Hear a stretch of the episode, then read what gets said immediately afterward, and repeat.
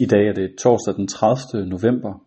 Jeg læser for dig fra Johannes åbenbaring kapitel 3, vers 19 til 4, vers 8. Alle dem jeg elsker revser og tugter jer. Vær nidkær og omvend dig. Se, jeg står ved døren og banker på. Hører nogen mig og åbner døren, vil jeg gå ind til ham og holde måltid med ham og ham med mig. Den, der sejrer, vil give sæde hos mig på min trone, ligesom jeg har sejret og har taget sæde hos min far på hans trone. Den, der har ører, skal høre, hvad ånden siger til menighederne. Derefter så jeg og se, der var en åben dør ind til himlen, og den røst, jeg først havde hørt tale til mig, og som lød som en basun, sagde, kom herop, så vil jeg vise dig, hvad der siden skal ske. Straks blev jeg grebet af ånden og så en trone stå i himlen og en side på tronen. Han, der sad på tronen, var at se til, ligesom jaspis og sarter, og der var en regnbue om hans trone, at se til som smaragd. Og rundt om tronen stod 24 troner, og på tronen sad 24 ældste i hvide klæder, og med guldkronen på hovederne. Fra tronen kom der lyn og brag og torden, og foran tronen stod der syv brændende fakler, de er Guds syv ånder. Foran tronen var der noget ligesom et glashav, så klart som krystal, og rundt om tronen, midt for siderne, var der fire levende væsener, fulde af øjne både for og bag.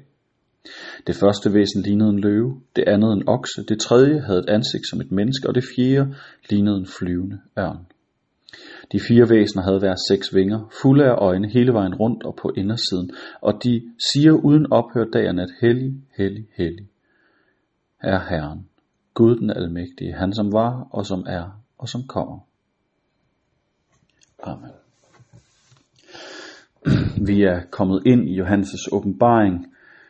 Den første del, jeg læste op, var det sidste ord til menigheden i Laodikea, om hvordan Gud lover, at han vil komme til os.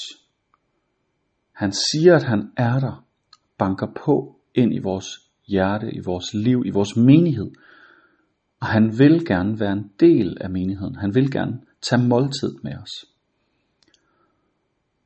Og derfor må vi, som Laudikea får som udfordring, vælge ham til, og ikke være tilbage eller passiv, men være aktiv. Søge ham aktivt. Vi skal ikke være kolde, og vi skal ikke være lunkne, vi skal være varme. Vi skal ikke være afventende eller passive eller tilbageholdende med at søge Gud eller åbne døren, når han banker på. Og så kommer han med det her fantastiske, smukke og meget svære syn. Johannes får et profetisk billede. Han bliver taget op i himlen, op i Guds stratosfære, og ser en trone stå i midten af et stort rum. Tronen er fuld af smukke, dyre, ædelstene. Der er en regnbue, der omkranser den. Det er Guds trone, det er Jesu trone. Rundt om tronen står 24 troner. På tronerne sidder 24 ældste. Og det kan vi spekulere længe over, hvem er og hvordan og hvorledes. Hvad vi ved er, at det er hellige. Det er troende mennesker. Det er Guds mennesker. Mennesker, der er kommet fra døden og ind i livet. Foran tronen står der syv brændende fakler. Det kan vi gisne om, hvad det betyder, det er Guds syv ånder. Det kunne være engle, budbringere, det kunne være noget andet. Og så er der de fire levende væsener, og dem har jeg lyst til at tale med dig om. Fire levende væsener, fulde af øjne, på alle sider og selv på indersiden. En løve, en okse, et ansigt af et menneske og så en ørn. Og i den kirkelige tradition, så er de her fire væsener billedet på de fire evangelier, som dermed ifølge Johannes allerede her er forfattet. Hvilket jo udfordrer nogle af de formkritikere, som mener, at Bibelen, at øh, de forskellige evangelier er skrevet senere, end Johannes har skrevet det her brev. De fire billeder, de fire billeder af dem er tillagt hver en af dem, så løven er Peter, oksen er Matthæus, Ansigtet er Lukas og ørnen er Johannes selv. Og man kan se, måske ligger der også en symbolik i, hvorfor lige de her dyrebilleder bliver tillagt de forskellige personer. Det er lidt ligesom personlighedstesten. Vi kan også se forskellen i evangelierne. Matthæus er meget grundig, som en okse, der maser sig igennem hele historien og får så mange detaljer som muligt med. Markus er et meget aktivt evangelium, meget stærke historier. Det er kun det essentielle, der er taget med. Det billedet af en løve er måske ikke helt upassende. Det er så handlingsfokuseret. Billedet af mennesket. Menneskebilledet af Lukas, som hele tiden tager Jesu omsorg med ind og har så stærkt fokus der på det. Og den flyvende ørn, Johannes, der svæver lidt over det hele og har en helt anden stil, og derfor slet ikke er så jordbunden som de andre, kan man sige.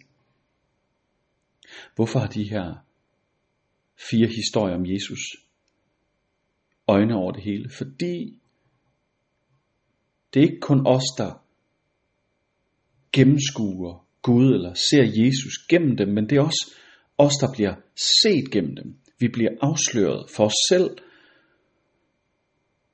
Der er øjne, der ser på alle aspekter af vores liv, lige så vel som på verden og på hvem Gud er. Og de her fire historier, de her fire biografier om Jesus, det passer med, at de fire mennesker, der stod bag, ikke havde andet for øje, da de skrev det, end at råbe dag og nat uden ophør om Guds hellighed og prise ham. Når Johannes i sin åbenbaring taler om de fire evangelier, så taler han jo faktisk om den anden side af åbenbaringen. Den, som vi kan være sikre på, som vi alle kan forholde os til at læse. Vi kan ikke alle at forvente eller erfare profetiske ord. Og profetiske ord kan tage fejl. Men Johannes han værdsætter og, og ophøjer de her fire historier om Jesus. De står foran tronen. De her fire apostle, der skrev deres evangelier, står lige foran Gud selv. De står tættere på end de 24 troner, og de ser alle aspekter af Gud og har fået lov at give os øjne for det. Måske det er vores øjne, der sidder på dem. Så i dag, når du læser i din Bibel, have det perspektiv, at det du læser her, det står Jesu trone helt nær. Og hvis du læser det med den hensigt at åbne døren for Gud, så vil han træde indenfor i dit hjerte, og han vil give dig øjne og ører, så du hører, hvad han vil sige til dig. Lad os bede sammen. Gud, tak fordi du har givet os evangelierne. Tak fordi du har givet os Bibelen til at forstå dig. Tak fordi du gav Johannes det her syn, det her smukke og komplicerede syn af hvordan du står i centrum af alt med dine hellige omkring dig, med dine engle som brændende fakler om din styrke og dit nærvær, din sandhed, og med de fire apostles skrifter om dig, Jesus, og dit liv her med os, som vores vidnesbyrd, vores åbenbaring, det som vi kan forstå dig og os selv og den her verden bedre ved. Amen. Kan I have en rigtig dejlig dag.